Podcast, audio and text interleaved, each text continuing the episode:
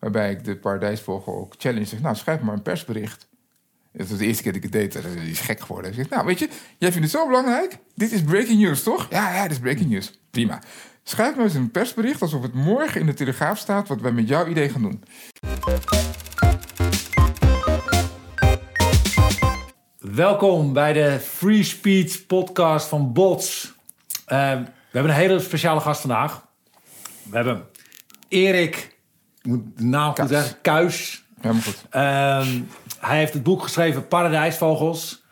Gaat over je top, top ICT-talenten en hoe je daarmee omgaat, je top engineers. Uh, voor ons als bots natuurlijk ook een super relevant onderwerp. Erik gaat straks wat over zichzelf vertellen. Uh, we hebben natuurlijk ook Michiel, uh, CEO van, uh, van Bots. Maar Erik, ik zei het al, misschien leuk als jij even voorstelt aan het publiek. Wie ben je? Wat doe je? Ja. Wat is je reden voor om het boek te schrijven? Ja, doe ik graag. Nou, ten eerste bedankt natuurlijk dat ik uh, hier mag zijn. En graag gedaan. in jullie prachtige kantoor trouwens ook. Ja, wie ben ik? Ik ben Erik Kuis. Ik heb ooit eens wiskunde gestudeerd. Ik ben er zelfs in gepromoveerd. Dus ik was echt wel altijd gegrepen door, ja, weet je, de... de de beta-kant van het leven. Um, ik ben niet bij de universiteit gebleven na een promotie, maar ben het bedrijfsleven ingestapt. En heb eigenlijk de telecomsector uitgekozen als het gebied waar ik me het meest toe aangetrokken voelde. En uh, sinds 91 in allerlei uh, technische functies binnen telecom actief geweest. Eerst als engineer, gewoon het vak leren aan de basis en standaarden schrijven en zo voor 4G en dat soort dingen allemaal. En daarna steeds verder doorontwikkeld naar managementrollen in het, in het bedrijfsleven bij KPN, bij Vodafone. En ik ben nu lid van het managementteam van Eurofiber. En in al die tijd heb ik me eigenlijk in die omgeving van techneuten heel erg thuis gevoeld.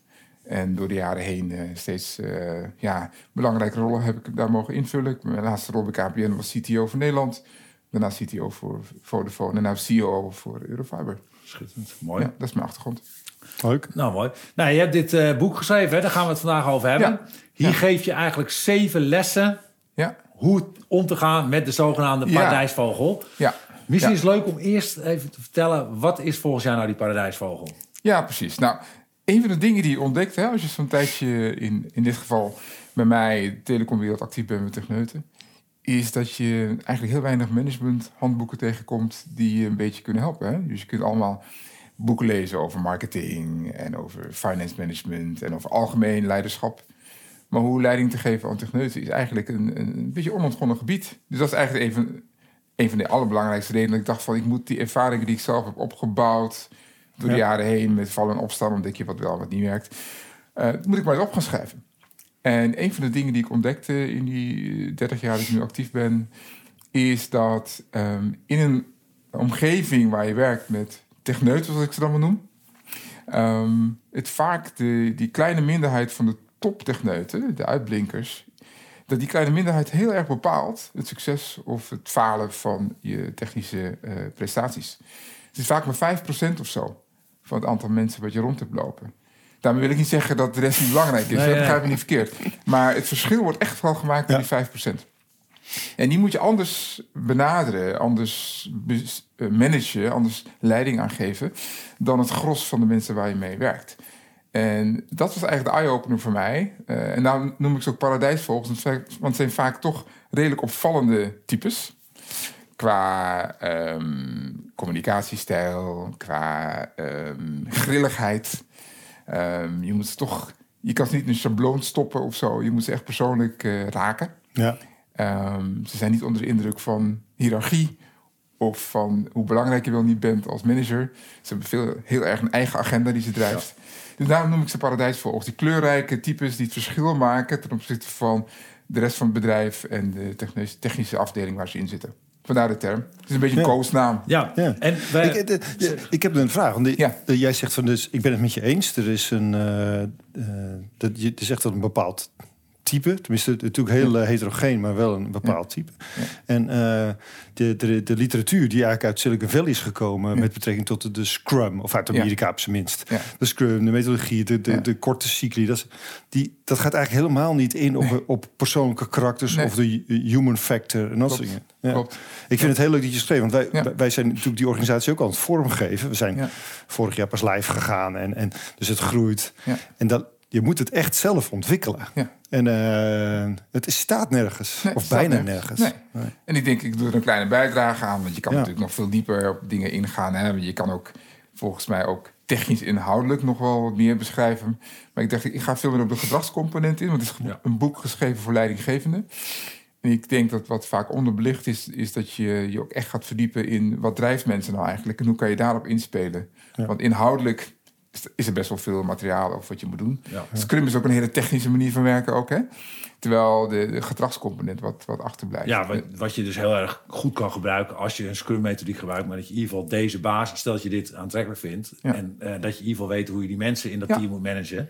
Want je hebt zeven lessen. Ja. En we hadden al afgesproken van tevoren, we proberen het een beetje kort en bondig te houden. Precies, hè? Precies, Om, uh, zodat iedereen ook het meest aan heeft. Hè? De, zo, zo, zo, zo, denk je ook weer vanuit de business. Zeker, zeker. Um, geef ze een podium, is een belangrijke les. Eerste les. Ja, ja. Mensen die uitblinkers zijn op technisch gebied, zijn meestal, ik moet in ieder geval algemeniseren, maar meestal niet de mensen die zichzelf heel erg op de borst stoffelen. Of die de ruimte pakken in een organisatie. Uh, hun successen gaan uitventen, et cetera. Daarvoor moet je de salesmensen hebben of de marketingmensen. Die zijn er heel goed in. Die weten precies een goede timing te kiezen om het te vertellen. Niet dat paradijsvogels het niet belangrijk vinden, maar ze hebben niet altijd van nature de bagage om dat te doen. Waardoor ze soms een beetje in de achtergrond uh, verdwijnen, terwijl ze eigenlijk inhoudelijk de belangrijkste bijdrage leveren. En dat kan heel erg fout gaan in een bedrijf. Want dat betekent, als je ze over het hoofd ziet, dat je bepaalde afslagen mist dat je geneigd bent de mensen die het mooie verhaal vertellen, maar dat eigenlijk een beetje eh, het, koude bier, het warme bier, hè? dingen die vroeger werkten, die worden opnieuw opgediend, die ben je geneigd te gaan volgen.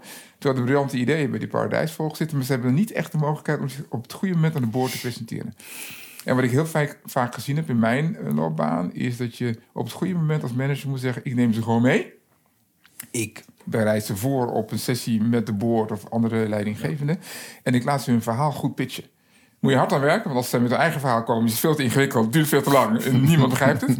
Maar als je ze goed kan helpen om dat verhaal neer te zetten, dan kun je op het beslissende moment hun bijdrage aan het bedrijf goed neerzetten. En het, de, in jouw verleden, wat, wanneer zag jij dan wel eens, want je hoort natuurlijk heel veel verhalen van die paradijsvogels en ergens dacht je ook van, dit is echt een goed idee, hier moet ik ook mee verder. Wat, wat, was jouw gevoel dat je dan dacht van, oké, nu ga ik ze meenemen en ik ga, ik ga hun dat podium geven, ik heb er zoveel vertrouwen in. Ja als ik merkte dat ze zo overtuigd waren van van de slaagkans van hun idee, dat ik het eigenlijk wel moest doen. Je voelt heel snel aan, uh, want Paradijs, volgens ik ze ken, zijn mensen die heel ambitieus zijn. Dus als ze het gevoel krijgen, ik word afgeremd, ik heb een idee, waarom wordt het niet opgepakt? Dan ontstaat een stukje frustratie. Dat is vaak een hele goede graad mee om te zeggen, nu moet je wat doen. Natuurlijk moet je wel goed challengen wat ze zeggen. Je moet de inhoud van wat ziet, ze vertellen Je ziet wrijving ontstaan. Hè? In, in, de, ja, de club wil bepaalde kans door. En, en de ander die doet het op... Ja, ja. Een paradijs wil het op een andere manier. Het doet het op een andere manier. En als, als hij twee of drie keer terugkomt bij jou... en op je bureau legt dat het idee nou eigenlijk echt wel heel erg belangrijk is om op te pakken... dan moet je dat signaal omzetten. En dan moet je volgens wel zorgen dat het op een behapbare manier naar het volgende echelon gaat. Of naar mensen die puur financieel naar iets kijken of puur operationeel. Maar dan moet je echt in actie komen. Want dan schets je, dat is je volgende punt ook. Jij schetst uiteindelijk als manager de bigger picture. Dat, dat heeft zo'n paradijsvogel ook nodig. Die is gefocust op zijn idee. Absoluut. Een paradijsvogel is fantastisch op de postzegel. Ja. Weet exact alles van een klein gebied. En gaat er dan vanuit, als dat klopt, dan moet de rest vanzelf komen. Maar dat is natuurlijk niet zo. Hè? Ik bedoel, als je een nieuw product bedenkt, moet je natuurlijk wel degelijk nadenken over, noem eens wat, uh, het securitybeleid van het bedrijf. Of uh, de concurrentiepositie gaat ons nu wel of niet helpen in, in, in, in de discussie met andere partijen in de markt. Zijn onze klanten er wel klaar voor? Allemaal relevante dingen die een paradijsvogel wel begrijpt, maar niet vanzelf naar kijkt. Nee. Dus dat grotere plaatje moet je schetsen. Ja. En als je dat maar doet, dan krijg je de kans, of zij, om het idee goed in te passen in de rest. En dat, dat lukt toch meestal wel. Ze zijn niet helemaal met oogkleppen op, alleen met hun eigen verhaal bezig. Alleen ze zijn zo gefocust dat ze de rest even niet direct zien. Ja. En waarschijnlijk ook nodig om het, om het binnen de organisatie te laten landen. Ja. Die nummer twee schetst de bigger picture. We gaan gewoon uh, fantastisch door, ja. Erik. Nee, want, want, voor mij is dat ook belangrijk. Want uiteindelijk zat ik wel denk, waar is nou het punt dat die paradijsvogel je, je als manager als dusdanig vertrouwt... dat hij hier al in mee, met je in mee wil gaan? Is dat stuk daar al uh, ontstaan? Dat hij, dat hij al zegt, oké, ik vertrouw Erik dusdanig. Nee, ik zie hem... dat, dat schiet... Kijk, dat, zit hem veel meer nog in de persoonlijke tijd die je met een paradijsvogel hebt. Ik heb een hoofdstuk in het boek dat heet uh, uh, Neem bijles, hè, zonder schaamte. Ja. Dat, is, dat is heel belangrijk. Ja. Het één op één contact waarin een paradijsvogel aan jouw bureau zit... en in drie kwartier zijn idee uitlegt... en bij jou kan toetsen dat jij begrijpt waar hij het over heeft. Sterker nog, dat jij in die drie kwartier tijd een goede vragen stelt... om zijn idee nog verder aan te scherpen. Dat is de basis. Uh, daar heb ik ook meeste vertrouwen in gewonnen. Hè? Want uiteindelijk gaat het erom dat iemand zich veilig voelt bij jou aan het bureau... om met zijn idee, wat hij heeft, wat hij heel koestert, is een persoonlijk idee... om dat met jou te delen en te zien dan... hé, hey, wacht even, hij zegt niet alleen maar de, de algemeenheden als manager... hij gaat die persoon tegenover mij, mijn baas, gaat er ook inhoudelijk op in. Dat is hard werken, hè? Ja.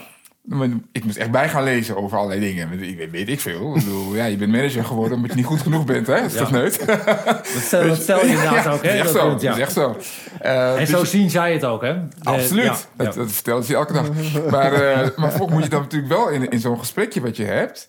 Uh, als je goed voorbereid hebt, kan je, met, met, kan je de inhoud op een behoorlijk niveau volgen. En daarmee krijg je de waardering en het vertrouwen... dat daarna je echt gewoon, gewoon met het idee aan de, uh, aan de gang kan gaan en het podium kan geven, et cetera. Maar de vertrouwen opbouwen is één op één. Dat is niet in een groep of zo. Nee.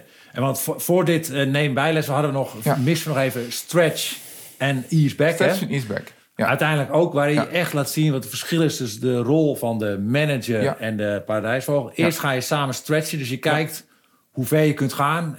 Eigenlijk zit je in een, in een, mooie fase volgens die uh, paradijsvogel. Lekker kijken hoe ver we kunnen gaan. Precies. En jij bepaalt als moment, het manager, van oké, nu moet ik hoog over gaan kijken. Dat is eigenlijk het moeilijkste hoofdstuk in het boek, Station is Back. Want je hebt een goed idee als paradijsvogel, je baas begrijpt het ook. Maar vervolgens moet je natuurlijk wel zorgen dat je door al die hoepels heen springt... die een organisatie nou eenmaal voor je klaarlegt... om tot een soort introductie te komen. van uh, wat is de business case? Wat is de concurrentiepositie? Uh, hebben we alle operationele eisen wel goed ingevuld? Kijk, een, een paradijsvogel is natuurlijk niet erg bezig met de dagelijkse business continuïteit, regels en security en noem het allemaal op. Hè? Maar die zijn wel relevant. Dus het begint ermee dat je het idee enorm oprekt, dat je zeker weet dat alles eruit gehaald is. Dat is de mooie fase. Dus dat is, dat is brainstormen, brainstormen. nadenken over wat het inhoudelijk betekent. Uh, de provocerende vragen stellen, waardoor die waardijsvolger in het weekend nog harder gaat werken om het beste uh, idee uit te ontwikkelen. En dan ben je eenmaal zover je van dit is echt wel heel goed. En dan komt de moeilijke fase dat je als manager dat idee moet gaan inbedden. En dan komen al die operationele mensen zeggen: Nou ja, weet je, ja. dat hebben we nog nooit gezien. En het is not, not proven. En ja. noem het maar op. En de kunst van de proces, executie. Door het hele proces moet je ja. heen. Dat is de easeback. Ja. En dat betekent dat je niet 100% van je idee gaat uitvoeren. Maar misschien doe je wel 80%. Wat voor een paradijsvogel bizar slecht is. Hè? Die we 100% doen. Maar die 80% is al zo goed. Dat je die prima vast kan houden. En alle anderen mee kan nemen in de overtuiging dat het goed ja, is. Want daar bij die 80% geef jij wel aan, dit moet je heel goed uitleggen, waarom de keuze wordt gemaakt om het in kleinere stukjes te doen, ja. maar dat dat toch wel een relevant stuk is. Hè? Exact. Zij willen iets van een productie, van hier werken aan en het is serieus. Ja. En ik heb één testcase beschreven in het boek, waarbij ik de paradijsvogel ook challenge zeg, nou schrijf maar een persbericht. Dat was de eerste keer dat ik het deed. Dat is gek geworden. Ik zeg, nou weet je, jij vindt het zo belangrijk. Dit is breaking news, toch? Ja, ja, dit is breaking news. Prima. Schrijf nou eens een persbericht alsof het morgen in de Telegraaf staat wat wij met jouw idee gaan doen. Blinde paniek. Weet je, want ah, die mensen denken heel erg technisch natuurlijk. Dus je moet opeens tegenover iemand zitten van de persafdeling en zegt: Nou, kom erop hè. Wat, ga, wat kan ik opschrijven? Dat geeft een hele interessante interactie, waardoor de paradijsvogel gedwongen wordt om iets in simpele termen uit te leggen. Omdat ik, ach, dat is eigenlijk niet zo belangrijk, het is Franje, dat haal ik er vanaf. En ik heb het in Duitsland gezien, daar hadden we zo'n idee rond 5G echt cutting edge technologie op dat moment, dat was twee jaar geleden al. En uiteindelijk door zo'n testcase te maken en zo'n paradijsvolgende situatie te brengen, probeer het nou eens een simpele woorden op te schrijven dat iemand die de telegraaf leest ook begrijpt. Ja. Daarmee krijg je dat het veel behapbaarder wordt. En de stretching is back is dus ook zorgen dat iets wat heel complex is, behapbaar wordt. en dat het een realistische kans van introductie heeft. Dus je moet af en toe dan tegen de weerstand in die een paradijsvogel heeft. Die is bang dat zijn hele idee faalt. Nou, dan moet je het mee meenemen. En als je ziet dat je voor hem aan de slag bent om het te kunnen introduceren, dan is acceptatie er ook wel. Ja. Dat is wel het moeilijkste stuk. Ja, want jij wordt in, in de organisatie, zie je ook, word je dan ook een ander type manager, waar je eerst de facilitator facilitate wordt, moet jij een beetje de, de voorman worden van innovatie. exact. Je moet dus dat vraagt worden. ook iets van die manager, neem ik Je aan. moet je nek eh. uitsteken. Ja, En je moet af en toe ook iets meer risico nemen. Omdat Ze je pleitbezorger worden. Je moet de pleitbezorger worden. En je moet durven het risico te nemen wat je gelooft en wat je mensen jou vertellen. En sterker nog, ze zitten echt naar jou te kijken als manager. Van wat gaat hij nou doen? Hij heeft met mij lekker meegestretched. En nou is het spannende moment daar. Staat hij er nog? Ja. En neem jij, ik Ja. neem aan dat jij hier ook extra op let als jij nu mensen aanneemt of mensen die in een organisatie Ja. werken. Kijkt in hoeverre, de, hoe, hoe, in hoeverre ze dit vermogen beheersen eh, van het stretch en ease back. Ja, als ik managers aanneem die, die leiding geven aan ontwikkelteams, is dat voor mij het allerbelangrijkste criterium waar ik naar kijk. Want ik heb niks aan mensen die het budget halen, weet je, en die netjes hun, eh, hun, hun, hun sprintplanning maken hè, en, en, en dat soort dingen allemaal meer. Dat is hygiëne. Ik kijk vooral van hoe goed zijn zij in staat om juist die mensen die niet zo standaard zijn, te motiveren tot echt briljante dingen. En dat heeft met stijl van leidinggeven te maken. En dit aspect is er heel belangrijk in. Ja. Wij, wij hebben zelf innovatie als eh, corporate eh, company value staan. Heel goed. Jij gaf nog een interessant nieuwsgierigheidsindex, noem ik maar even in het Nederlands. Ja, ja, Eh, ja, ja. Van waar voldoen Ja. innovatieve ondernemingen aan? Waar moeten innovatieve medewerkers aan voldoen? En vier eisen Ja. Ja. vond ik interessant. Ja. Dat waren onberingsgevoelig, plezier in onderzoeken, stresstolerant en openheid. Ja. Ja. Ik neem aan dat jij daar ook extra op let. Dus Ja. eh, Ja, en dat is moeilijk hè. Als je kijkt naar bedrijven die dat goed doen, Merck noem ik in mijn boek. Die zijn daar wereld, wereldleider in. Die hebben dat trouwens de schade en schande ontdekt. Hè? Want het ging gewoon niet zo lekker met Merck. En toen dachten ze, we moeten het op een hele andere manier aanpakken. Innovatie moet veel belangrijker worden. En toen hebben ze ontdekt dat dit belangrijke dingen zijn. En bij Eurofiber, waar ik nu werk, zijn we dat heel nadrukkelijk ook aan het doen. Dus ons, eh, ons ontwikkelteam, wat wij hebben, is helemaal op deze basis geschoeid. En dat betekent dat je soms ook eh, moet toestaan, bijvoorbeeld, dat je niet zo'n strikte hiërarchie hebt. Dus wij hebben 60 ontwikkelaars of zo. Maar we hebben niet eens een managementlaag of zo, weet je. We, we hebben groepen mensen die aan onderwerpen werken. We hebben een, eh, een, een aantal agile coaches en zo. Natuurlijk heb je de eindverantwoordelijke ontwikkelbaas. Maar dat, er is verder geen strakke hiërarchie. Dus, dus dat maakt die openheid veel makkelijker is. En- enzovoort. Maar die nieuwsgierigheid komt ook vanuit hunzelf. Hè? Dat zijn Ja. mensen die dus Ja. het, het leuk vinden, interessant Ja. vinden... Of, of in het weekend of in avonden dingen op te gaan uitzoeken eigenlijk. Hè? Dus dat is ook wel lastig om dat natuurlijk aan te trekken. Hoe, hoe, hoe, om, hoe vind je die mensen? Hoe zie je dat ze het zijn? Vaak, je moet een beetje geluk hebben. Ten eerste moet je natuurlijk al een soort kern hebben van mensen die dat in zich hebben. En dan moet je die mensen vervolgens bij je selectiebeleid de ruimte geven om mee te kijken. Dus als wij nu nieuwe mensen aantrekken voor development, is het niet alleen maar het management met HR die er naar kijkt. We trekken ook de mensen vanuit eigen organisatie erbij om te bepalen wie de volgende eh, hires gaan worden. Ja. En eh, dat is een heel sterk concept. Ja. Want dan weet je dat de mensen die, die herkennen vaak... It takes one to know one, zeg ik altijd maar. Ja, absoluut. Dus de mensen die heel nieuwsgierig zijn... Creatieve die, innovators die, die herkennen elkaar. die herkennen elkaar. En, en, en sterker nog, die halen vanuit hun eigen netwerk de beste mensen naar binnen voor ons. Om te zorgen dat ook die kern van nieuwsgierige mensen... want het zijn niet 100% van de mensen kunnen dat zijn... maar die paradijsvogels trekken paradijsvogels aan. Dus die geven ook een rol. En die kijken vaak op een hele dwarse manier naar mensen... Dus Ja. ik krijg wij een prachtig cv binnen en dan wordt hij volledig afgebrand. En wat ze op dat punt gewoon een soort eh, intuïtie hebben of die mensen dat brengen of niet. Ja.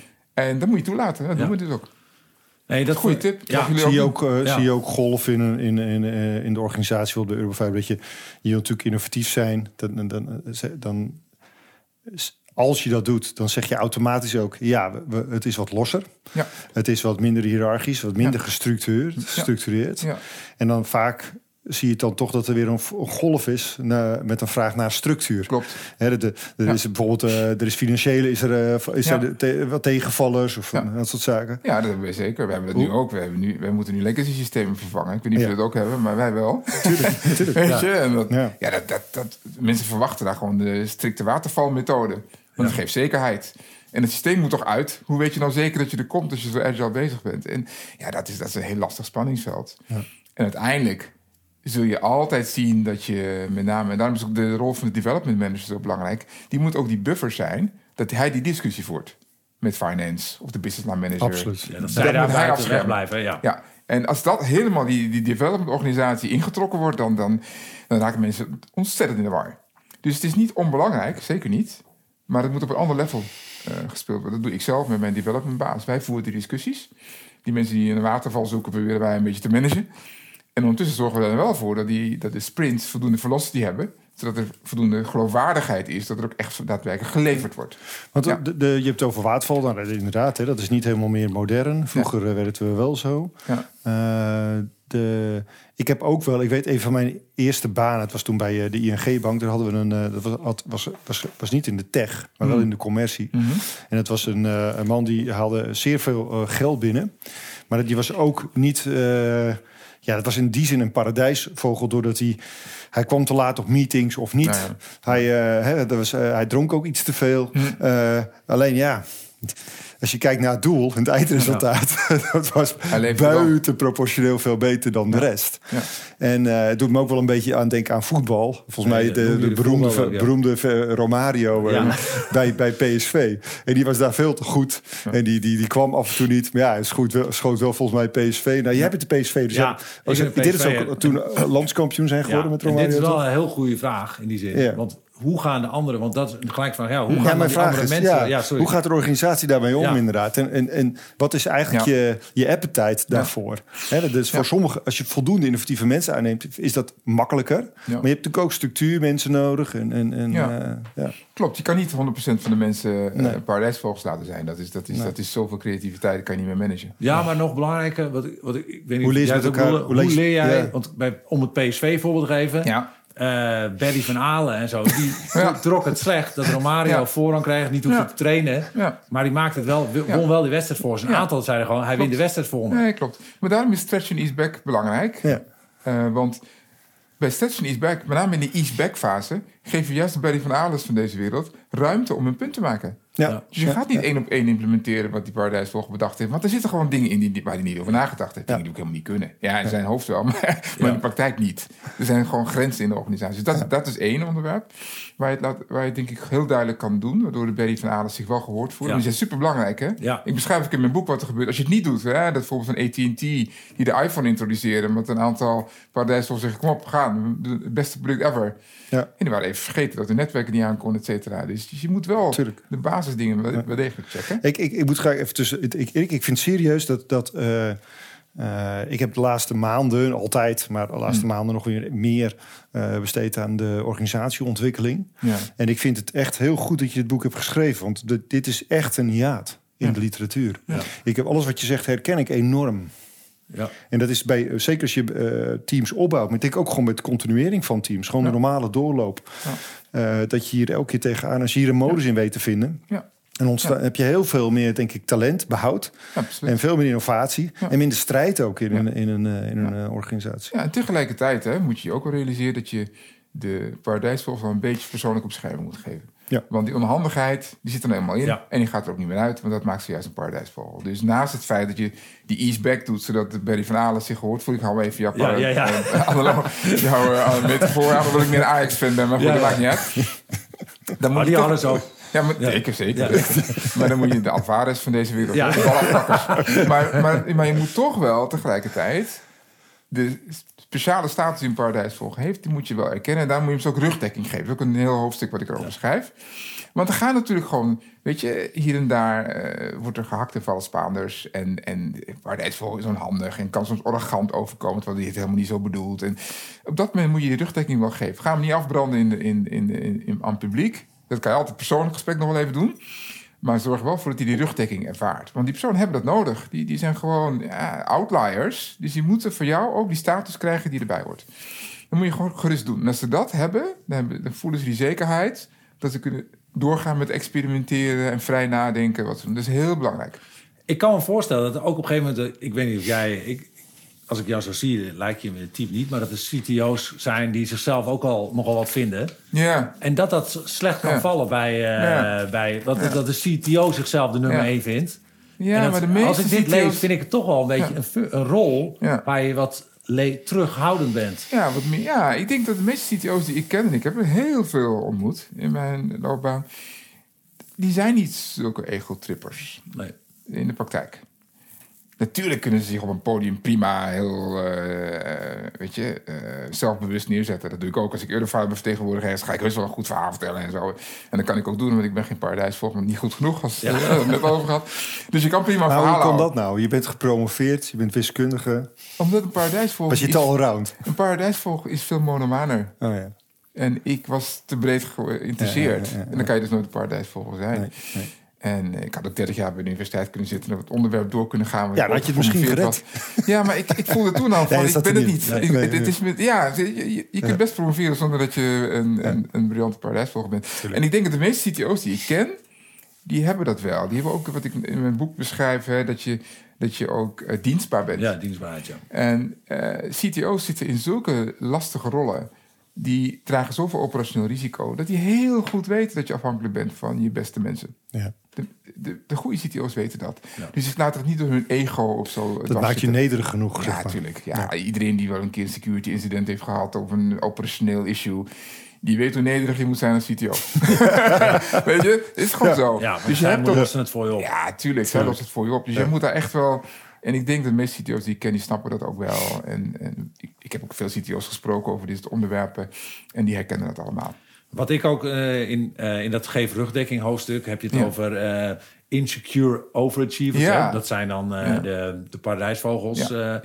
Maar dat, dat was ook heel herkenbaar dat het echt nooit goed genoeg is. Nee. Dat herken ik ook wel van hier. Nee. Dan is het gewoon af. Het was niet snel genoeg.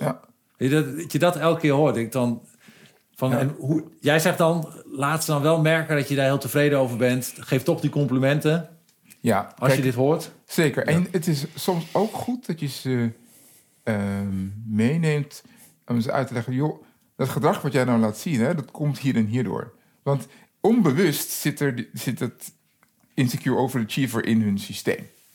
Ze zijn zich niet bewust van. Ik heb ook eh, in mijn boek beschrijf ik ook, hè, er is best wel literatuur over, die je kan gebruiken om mensen duidelijk te maken, weet je, wat is, wat is high performance nou eigenlijk? En, en hoe, hoe kan je zelf tevreden zijn over je resultaat? En hoe kan je je omgeving beter beïnvloeden? Ik geef ook een paar tips in mijn boek, het laatste, allerlaatste hoofdstuk, hoe ze simpele dingen kunnen leren om veel eff- effectiever te zijn in het beïnvloeden van mensen. Want vaak zit die onzekerheid over, ik heb er niet genoeg uitgehaald, zit hem erin dat ze onvoldoende erkenning terugkrijgen. Dus hoewel ze niet het podium willen bestormen, willen ze wel van hun je omgeving ook, je wilt goed. eigenlijk gezien worden zonder dat je er wat voor hoeft te doen. Dat is de allermooiste, meest elegante vorm. Ja, en als je die erkenning niet voelt, Ja. dan gaat die onzekerheid die er al in zit, omdat je zo perfectionistisch bent, die gaat dan nog meer de overhand nemen. Dus je moet ze duidelijker maken hoe ze hun. ehm, hoe, ze hun, hoe ze de bloemen binnen kunnen halen. Hoe ze die erkenning kunnen krijgen van hun omgeving. En dat is eng, want ja, dan, moet je met allerlei mensen gaan praten. waar je En ook dat je het überhaupt moet doen of moet. Eh, Ja. Als je erkenning wil, dan is het toch... Ja, je moet ook wel een beetje voor Ja. jezelf opkomen in Ja. die zin. Ja, dat is lastig. Daar moet je dus tools voor meekrijgen. En gelukkig zijn die er ook. Je kunt NLP gaan doen, waardoor je veel effectiever leert communiceren. Gelukkig is het een theorie, dus dat is lekker. Hè? Je hoeft dus niet alleen maar een beetje vaag iets te doen. Hè? Je krijgt ook echt oefeningen waarmee je Ja. effectiever kan worden. Ja. En het zijn eye-openers vaak Ja. voor Paradise Falls. Ja, Ja. ja. En jij geeft natuurlijk ook wel aan dat paradijsvogels zijn niet de jongens, het zijn voornamelijk jongens nog. Hè? De, helaas eh, wel. Ja. ja. Dan zit een paar, ik heb wel een paar goede meiden tegengekomen. Oké, mooi. Ja. Maar heel weinig. Ja. Hè? Ik bedoel, ja, uitzondering. Laten we hopen dat dat eh, nu steeds ja, dat, dat Zeker. toch eh, losbreekt. Ja. Je geeft al aan, ze zijn niet zozeer van de cijfers, kwartaalcijfers, eh, Nee. dat soort zaken. Niet van de financiën. Nee. Nee. Jullie zijn fintech bedrijf. Ja, ja. wij, wij, wij hadden toen vandaag, werden, wij, werden, Ja, werden we ook ja. even ge- werd er ook Ja. gerapporteerd. Hoe gaat het nu? Ja. Vertel, je, vertel jij natuurlijk nog andere dingen aan je, je tech eh, of je paradijsvogels over de voortgang van het bedrijf, waar je naartoe gaat? Wat waar ik merk, dat waar ze super enthousiast van worden... Wij als Eurofiber bijvoorbeeld. Hè, wij zijn een bedrijf, we leggen glasvezelnetwerken aan voor bedrijven. Even platgeslagen. Hè. Dat doen we in Nederland, dat doen we in België, Frankrijk, Duitsland. Waar zij super enthousiast van worden, is dat dat netwerk straks de backbone wordt voor 5G. Dat is voor hun super relevant. En volgens nadenken, ja, maar hoe dan? Want eh, 5G betekent straks veel kleinere celletjes, veel meer antennes. Hoe kan ons netwerk dan op inspelen?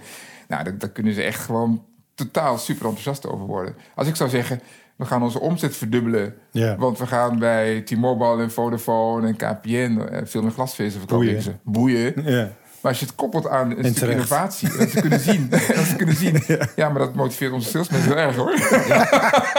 maar, ze, maar ze kunnen zien hoe de volgende boek techniek misschien. inpast in, in, in, in, een grotere eh, Ja. ontwikkeling. Die, die technologisch super interessant is. Ja, dat, dat prikkelt ze enorm. En dan zien ze wel degelijk de meerwaarde. En dat het dan veel meer omzet voor het bedrijf betekent natuurlijk. Dat is Mooi, een ja. gevolg. Waar, waarom eh, heb, is er ook een, een persoonlijke reden waarom je het boek hebt geschreven? Nou ja, je, je wordt wat ouder, dus je denkt van ik moet die ideeën die ik heb eens een keer opschrijven. Hè? Ja. Dat, dat, is, dat is een natuurlijke ontwikkeling. En, en ik merk dat veel leidinggevenden eh, worstelen met dat punt. Dus ik dacht van nou, weet je, waarom schrijf ik dat nu eens een keer op? En dan kunnen veel meer mensen die in een bepaalde fase van hun loopbaan als leidinggevende ICT zitten, die, die kunnen bepaalde dingen die door vallen en opstaan hebben geleerd, kunnen die meteen maar meenemen. Dat is volgens mij heel belangrijk, omdat ICT een steeds grotere rol gaat spelen. Ik denk dat ook het leiding geven aan, aan, aan ICT'ers en dit soort briljante mensen ook steeds belangrijker Want jij, wordt. want jij gaf wel in je boek aan dat Ja. vooral die nieuwsgierigheidsindex... Ja, naarmate je ouder wordt, word je relatief wat minder nieuwsgierig. Minder. Ja, dus, Absoluut minder, dus ja. dat in Echt? innovatieve Ja. bedrijven dat wel een Ja. reden is om Ja, ja, ja. wel wat sneller doorloop Ja. te hebben met betrekking tot Ja. ICT-managers. eh, absoluut. Ik denk dat vooral ICT-managers die, die net twee, drie jaar of zo aan de gang zijn, eh, eh, mijn boek zouden moeten lezen. Want je kunt zoveel, weet je, van, die, eh, van dat leergeld wat je anders veel later eh, ontdekt, kun je nu al besparen door het nu toe te gaan passen. En je bent nog heel open-minded. Je, je kunt nog experimenteren, want je hebt nog geen eh, ontwikkelafdelingen van 100 man. Ja. En doe dat dan ook vooral op de gedragskant die ik beschrijf in mijn boek.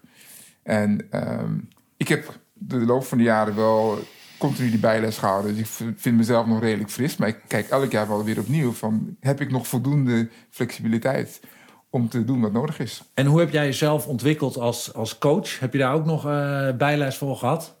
Nou, waar ik het meest, waar ik meest eh, aan gehad heb... wat ik ook in mijn laatste hoofdstuk beschrijf... ik ben zelf ook bijvoorbeeld eh, NLP gaan doen. Want ik merkte van, ja, weet je... Ik, ik, als ik die omgeving moet managen voor mijn eh techneuten... dan moet ik veel effectiever zijn in mijn communicatie... en beïnvloeden van mensen. En ik merkte vaak dat ik dan... weet je, dan nam ik het initiatief... om die ideeën van die paradijsvogels te gaan promoten... En binnen twee seconden stond ik alweer buitenspel. Want dan was die marketeer of die financiële vent veel sneller dan ik. Met zijn argumenten. Shit, wacht even. Hier gaat het niet helemaal goed. Ja. Maar het heeft puur te maken met skills. Ja. Die moet je ontwikkelen. Dus ik, Ja. heb, eh, ik ben NLP-practitioner geworden. Niet omdat het moet, maar omdat ik denk... van het is gewoon belangrijk om effectiever te zijn... in de manier waarop ik werk.